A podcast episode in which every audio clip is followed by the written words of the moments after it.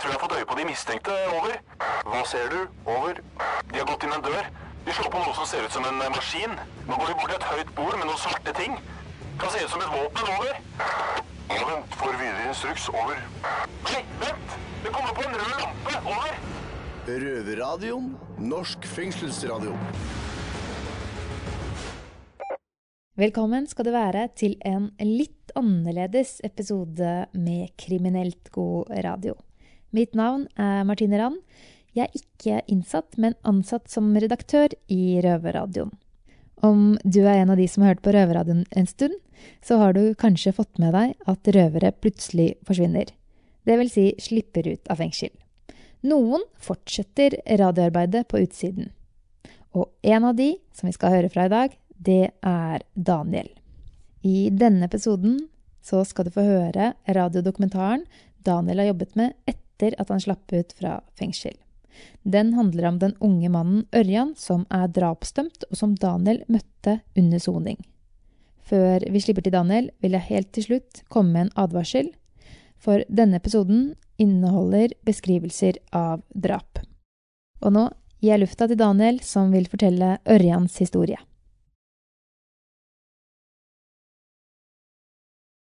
Hva er det verste med alt som har skjedd, hvis du ser på hele saken? Hva er det verste? Nei, Det var jo at uh, han døde, da.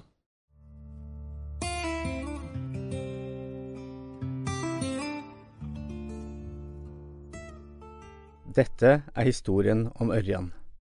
Da Ørjan var 19 år, tar han et valg som gjør at livet hans går i en helt ny retning.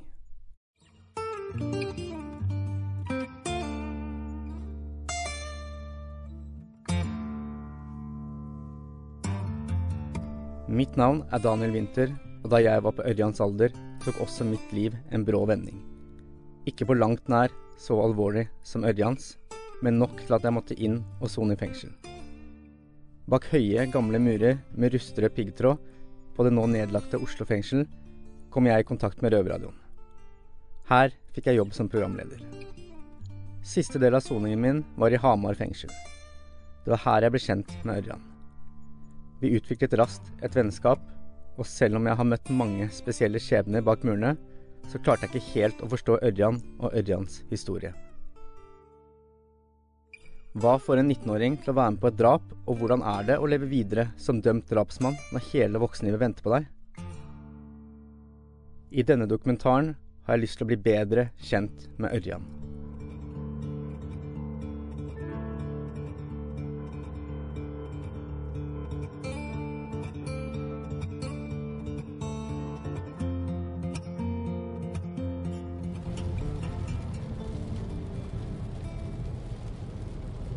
Klokka nærmer seg halv ett på natta, og det er lørdag 3. september 2016. En bil med fire personer kjører innover en mørklagt og øde landevei et sted i Søndre Land kommune. Bilen stopper. Sammen med sin mor og daværende stefar er Ørjan med på noe som senere vil bli omtalt som et av norgeshistoriens mest brutale drap.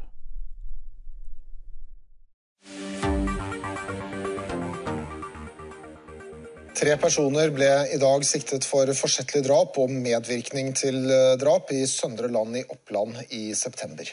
Drapsofferet, en mann fra rusmiljøet, ble funnet Mannen som ble drept, skal ha vært en bekjent av den daværende stefaren, og motivet for drapet skal ha vært en mistanke om seksuelt misbruk av Ørjans halvsøster.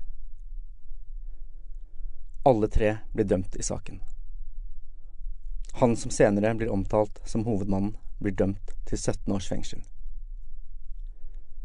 Ørjan og moren blir frifunnet for drapet, men de blir dømt for kroppskrenkelse og grov kroppsskade med døden til følge.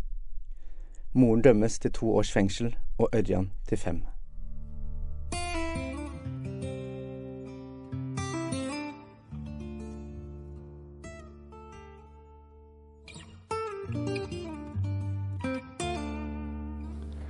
Hei, jeg heter Ørjan.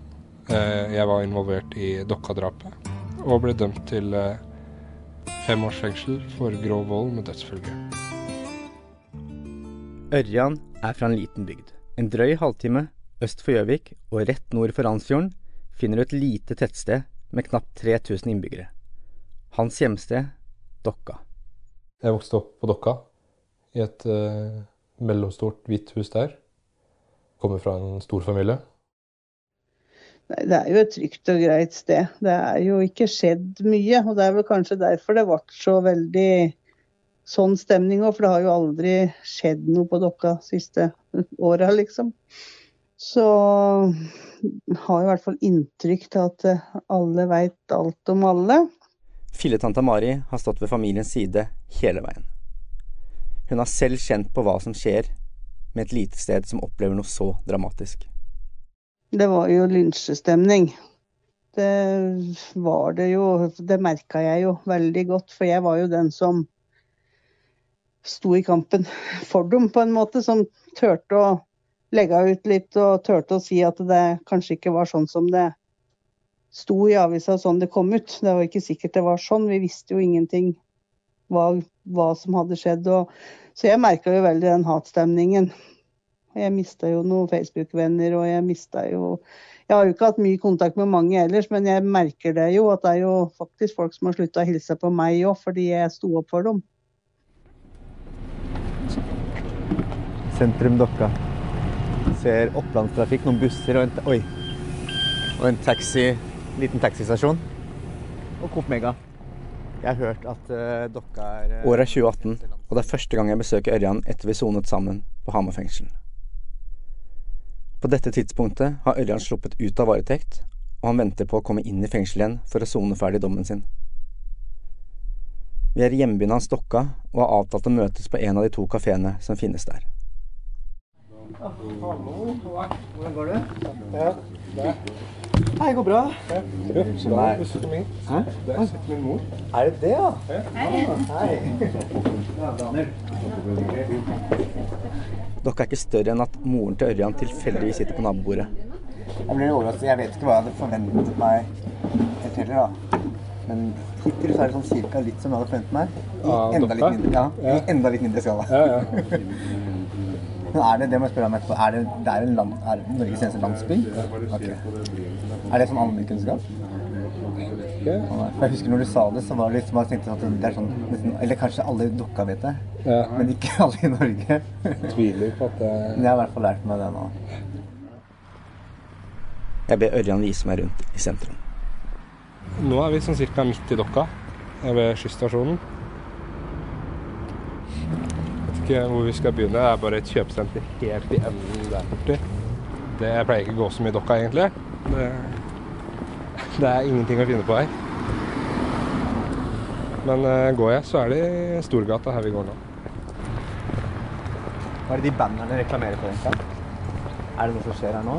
Nei, de henger ute hele tida. Å ja. Det så bare ut som de pyntet til et eller annet. Nei. Det er landsliv. Ja. Det er landsby nå, vet du. Ja. Ørjan sier selv at det går fint for han å være tilbake på Dokka, noe som overrasker meg. Nei, men siden det er en grov sak og en sak med mye omtale, så tror jeg det er Jeg Vet ikke, det er sikkert skummelt for noen. Eh, Men jeg tror ikke folk er redd for meg som en enkeltperson.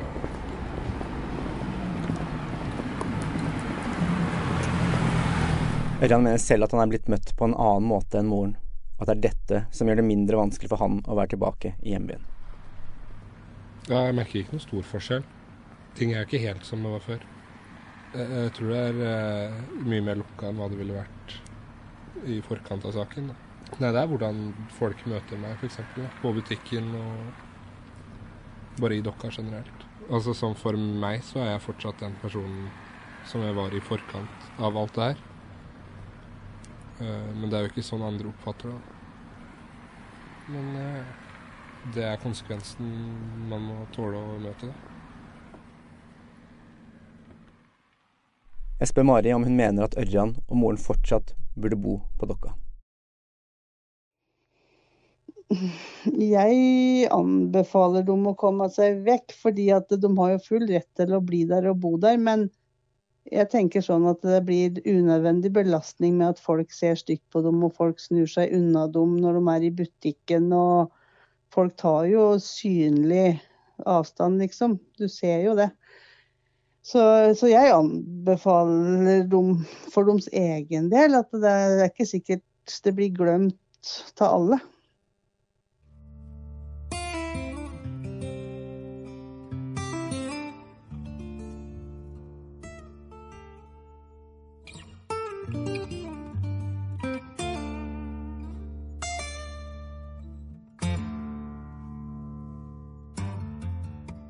Nei, han var vel egentlig en helt vanlig gutt. Litt, litt tilbake Han var egentlig veldig sånn stillferdig, egentlig. Jeg lurer litt på hvordan Ørjan var som barn. Han elska jo å tulle med meg og lure meg og skremme meg og Ja, han var en sånn liten klovn, har vært hele tida. En sånn godgutt. Jeg ser på han som egentlig som syns det er morsomt å gjøre noen sånne småsprell, sånne uskyldige moroheter. Kaller jo meg tante, har gjort det i alle år, da. Jeg har to eldre søstre. Og så er det meg, og så har jeg to yngre søstre. Og så to små brødre. Så i begynnelsen så var det meg og bare jenter. Eh, men etter hvert så kom det noen brødre, så det var jo stas.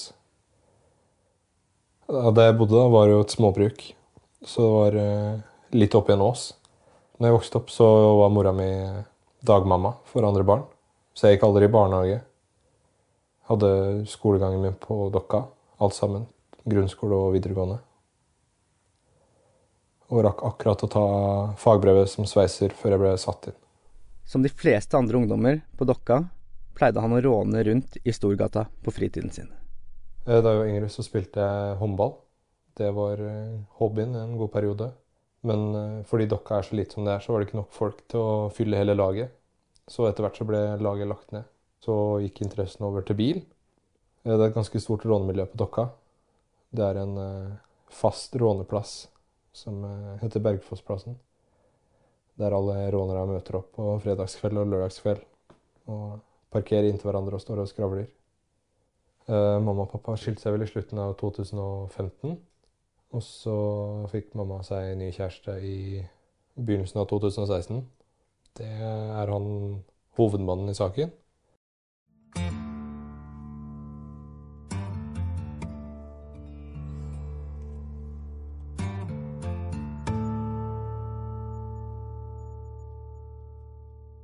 Det er gått nesten et år siden jeg møtte Ørjan på Dokka. Siden den gang har Ørjan sittet i fengsel. Jeg har lyst til å snakke med Ørjan om det som skjedde den natta, og bestemmer meg derfor for å dra på besøk til han i fengselet. Nå er vi i eh, Valdres, på Vesterplan fengsel. Den åpne avdelinga. På det som blir kalt Slidrøya. Eh, nå så har jeg sittet inne i ti måneder. Hverdager i fengselet er litt forskjellig ut ifra om du sitter på lukka eller åpent. Det er for meg, altså Jeg har akkurat kommet på åpent, så jeg syns det er kjempefint. Eh, På lukka så er det ikke så mye å finne på.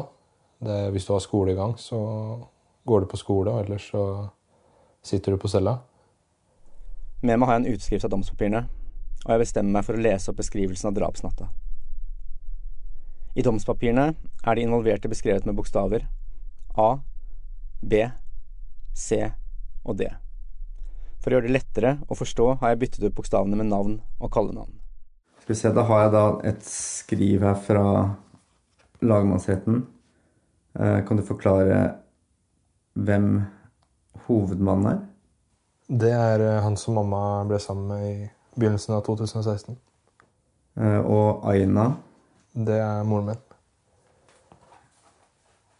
Lørdag 3.9.2016, ca. klokken 01.00 på en adresse i Søndre Land, drepte de avdøde Nils Olav Bakken etter at du først la ham i bakken. Mens avdøde lå nede, satte hovedmannen seg på ham. Aina holdt fast i bena, og du holdt en av armene. Hovedmannen og eller Aina forsøkte så å feste strips på avdødes armer.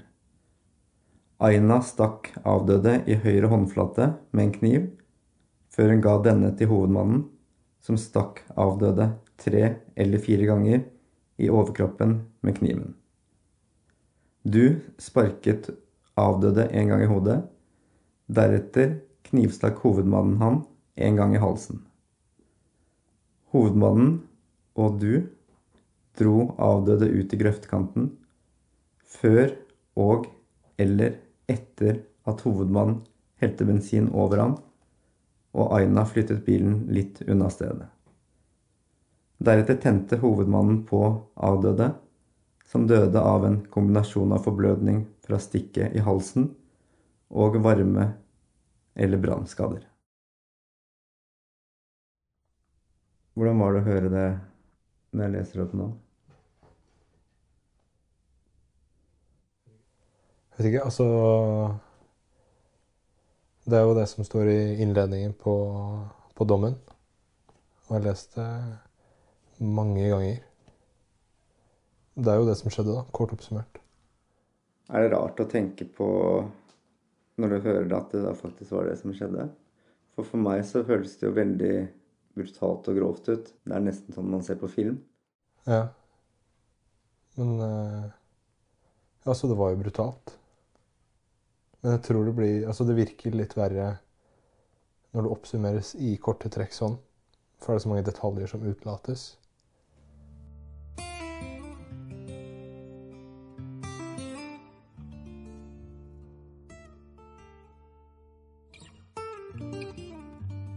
Etter besøket sitter jeg med en følelse at jeg ikke helt klarer å nå gjennom til Ørjan. Jeg snakker med filetante Mari om hun kan kjenne seg igjen i dette. Jeg kan tenke meg at den kanskje distanserer seg litt og setter på seg den maska for å ikke kjenne på følelser, fordi at det gjør så vondt. Han er ikke kald, men at den rett og slett eh, stenger ute for å ikke ta inn over seg. For jeg har tenkt litt på det, at han virker jo veldig sånn at det bryr han ikke, det han har vært med på, liksom. Det så jo litt sånn ut når jeg prata med ham i pauser i rettssaken, og at han var Det hadde ikke han vært med på. Dette liksom tok litt inn over seg. Nei, han er jo ikke sånn. For han er jo lett å få komme inn på. Jeg veit jo det er jo ikke mye som skal til. Hvis du trykker på de riktige knappene, så kan du fort se at eh, øya fylles opp med tårer. Men da på en måte distanserer han seg igjen. Det er akkurat som en har en sånn mekanisme at en ja, klarer å distansere seg vekk, da. Men han er jo ikke sånn. fordi at det, hvis en råker på de riktige tinga, så ser du at han kjemper hardt for å ikke la seg påvirke og gråte. Da Ørjan satt inne, var betjentene bekymret for det samme. Før han fikk dommen på fem år i Eidsvatting lagmannsrett, ble han opprinnelig i tingretten dømt til 19 års fengsel. Det gikk ikke ordentlig inn, tror jeg. For jeg hadde ikke noe reaksjon på det. Det sa jo de En kontaktbetjent min om det, sa at de var litt bekymra fordi jeg ikke Altså, det virka ikke som om det påvirka meg på noen som helst slags måte. Og jeg, altså, jeg ser jo den. Det, etter jeg fikk eh, vite at jeg fikk 19 år fengsel, så tok det en halvtime, og så var jeg ute og spilte volleyball. Hvordan jeg gjorde det, det vet jeg ikke. Eh, det er vel bare å undertrykke de eh, vonde følelsene som kommer, og så går det av seg selv.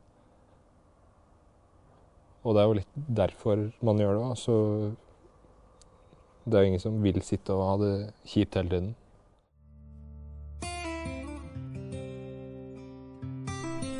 Ørjan er nå på siste del av sin soning. Dagene tilbringer han på jobb som tømrer, mens han bor på en overgangsbolig sentralt i Oslo. Selv om jeg flere ganger har forsøkt å snakke med Ørjan om konsekvenser av å ha vært med på å ha tatt et liv, så føler jeg fremdeles at han ikke åpner seg helt opp. Svarene han har gitt meg, føles innøvde og gjennomtenkte. Jeg inviterer derfor Ørjan til en park rett ved studio der jeg jobber, for å ta en siste prat med han. Jeg må virkelig være enda mer direkte, og merker at jeg faktisk gruer meg litt til å stille han noen av spørsmålene jeg har skrevet ned. Det er lenge siden vi har Lenge siden vi satt på Hamar nå. Hvor lenge siden det er? Hvor lenge siden er det? Jeg kom dit i mars 2017 Ja, og dro igjen desember 2017. det er rart å tenke på. Jeg vet ikke når du kom, jeg. Juni? Eh, ja, jeg hadde jo en kort dom, så det var vel juni til eh, se, Det var juni til eh, mars. Mm. Eller februar. Få se, jeg må ha på brillene når jeg skal lese her. Ja. Så er det her. Skal vi se Bare starte rett på. Ja, vi begynner nå. Ja. Ja.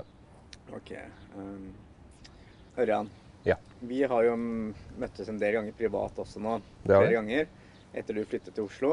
Yep. Jeg har invitert deg hjem til meg. eh, Men en ting jeg ikke har gjort, det er jo å introdusere deg for mine venner. Mm. Jeg skjønner at det kan være vanskelig for meg å slippe deg så tett innpå etter den brutale handlingen du har vært med på. Ja. ja. Så jeg skjønner jo det. Det er jo flere som har problemer med det. Hvem spesifikt er det du tenker på da? Eh, Eksen min.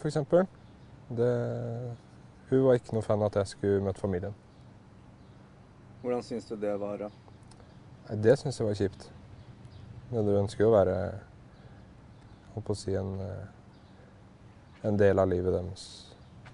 For jeg merker noen ganger at jeg lurer på At jeg blir liksom sittende og lure på om du var kanskje mer bevisst på de handlingene, de forferdelige tingene som ble utført, da. Og siden du virker Det virker jo på deg som det her det, det går så lett, og ting er så enkelt. Og da tenker jeg kanskje er du så kald og kynisk som person, og det er derfor den saken her ikke går så inn på deg? Vet ikke. Altså Jeg har jo blitt mye kaldere av å sitte inne. Og sikkert av å være med på det. At jeg distanserer meg mer fra følelser for å ikke la det påvirke meg. Men tror du ikke du må en eller annen gang prøve å kjenne og åpne opp på det? For det går vel ikke an å holde det inne for alltid? En eller annen gang så kommer du i en setting hvor du må være helt ærlig både overfor deg selv og andre, da, og på en måte tenke eller takle det Det kan jo ikke være sunt å holde det inne hele resten av livet. Nei, nei, så en eller annen gang så må det jo Må det jo håndteres. Altså jeg må jo ta stilling til det. Siden jeg selv har sittet i fengsel, så vet jeg at mange ofte skrur av følelsene sine for å takle soningen. Jeg lurer på om det samme kan ha skjedd med Ørjan. Husker du nøyaktig når du begynte å stenge av følelsene dine? Det tror jeg var eh, ganske med en gang jeg ble satt inn. Jeg Ble satt rett i isolasjon. Og da har du jo altfor mye tid til å tenke. Og det blir destruktivt med så mye tid. Da er det mye lettere å bare skru av. Hva er det som nå som du sier at du har skrudd av følelsene dine, du har fortsatt ikke skrudd de helt på? Nei, eh, det er mye lettere å skru de av da, enn å skulle få de på igjen. Så det, Men hva er det som gjør deg Når du sier at du ikke da har skrudd på følelsene dine, hva er det som, kan du gi oss eksempler på hva, hva er det som gjør deg glad? Nei, si det. Altså, jeg har ikke noen konkrete eksempler. Så hvis vi går litt tilbake da til den selve saken, da. Mm. Jeg leste jo opp eh, Tidligere så har jeg lest opp det som står i, I dommen. ja, i dommen, ja. Eh, og der ble det jo beskrevet på en sånn måte Det er jo Det skjedde jo på mørk rusvei, og det var jo en del ting som skjedde i forkant òg. Mhm. Hvorfor Eller hvorfor valgte du på en måte ikke å gripe inn og stoppe det? Med, eller For det uttalte seg veldig, det sa du jo. Mm. Men hvorfor stoppet du ikke det som skjedde? og Tenkte du ikke nå går det her for langt? Nei, altså når du først setter i gang, så er det mye adrenalin, og det er jo eh, mye spenning. Eh, så det er ikke helt enkelt å skulle liksom ta et steg tilbake og få full oversikt. Og få med seg alt som foregår, og ser hvor det går, da, før det bærer for langt. Men følte du det han, når vi prater, Hvis vi prater litt om han hovedmannen, Mm. det var jo da stefaren din. Ja. Hvilke forhold hadde du til han? Var han en ja, hvordan, Hvem var han for deg? Vi hadde et sånn kompisforhold, nesten. Det, vi fant på mye ting sammen i forkant av det her, da. Så vi hadde et helt greit forhold. Sånn sett i ettertid, føler du fortsatt at du hadde rett til å skade han? Hmm. Altså, det er jo ingen som har rett til å skade andre. Det er ikke Det er ikke sånn at du gjør eh, Nei, skal vi se. Hvordan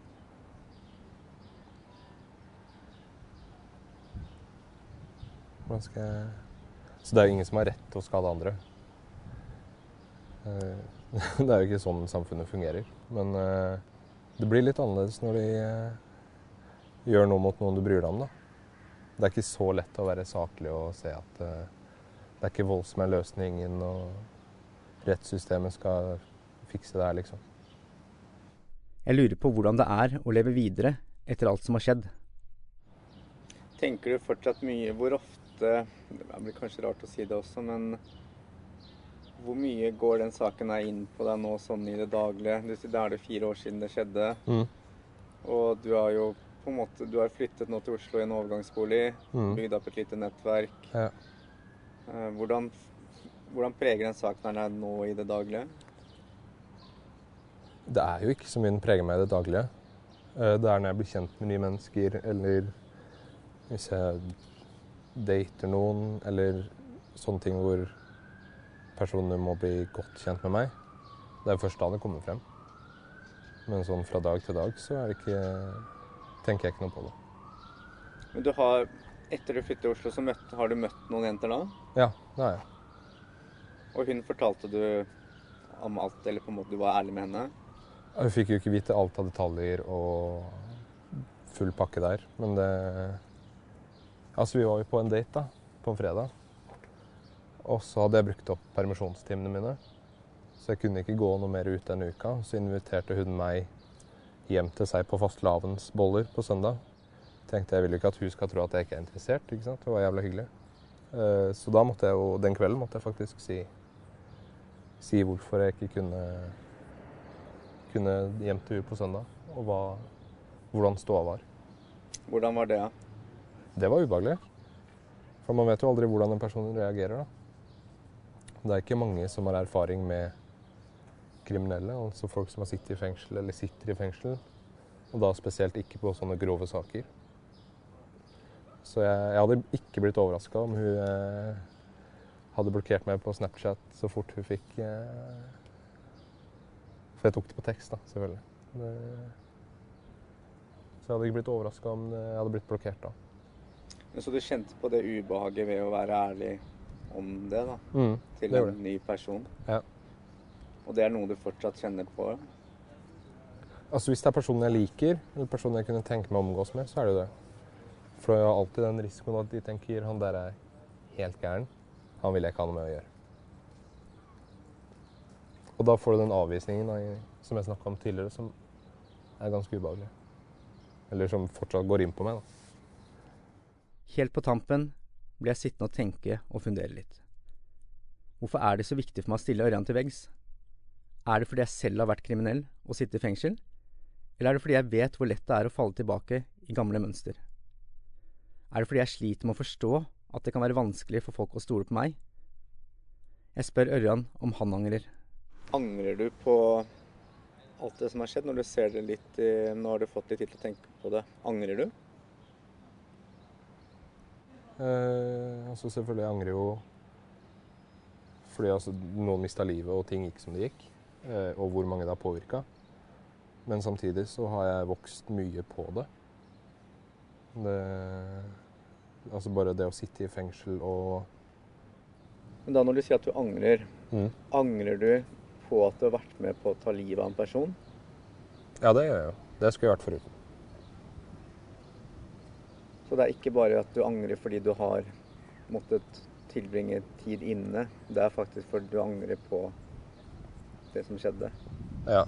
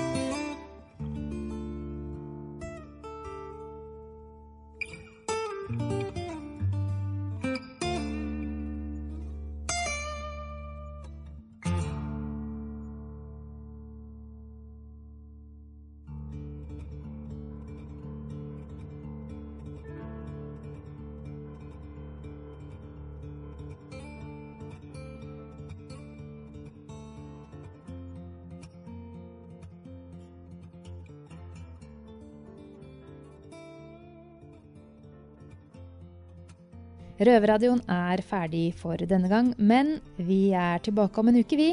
Og i mellomtiden så kan du høre oss så mye du vil på podkast. Musikken i denne sendinga er laga av Ylja Tranov, The Roads.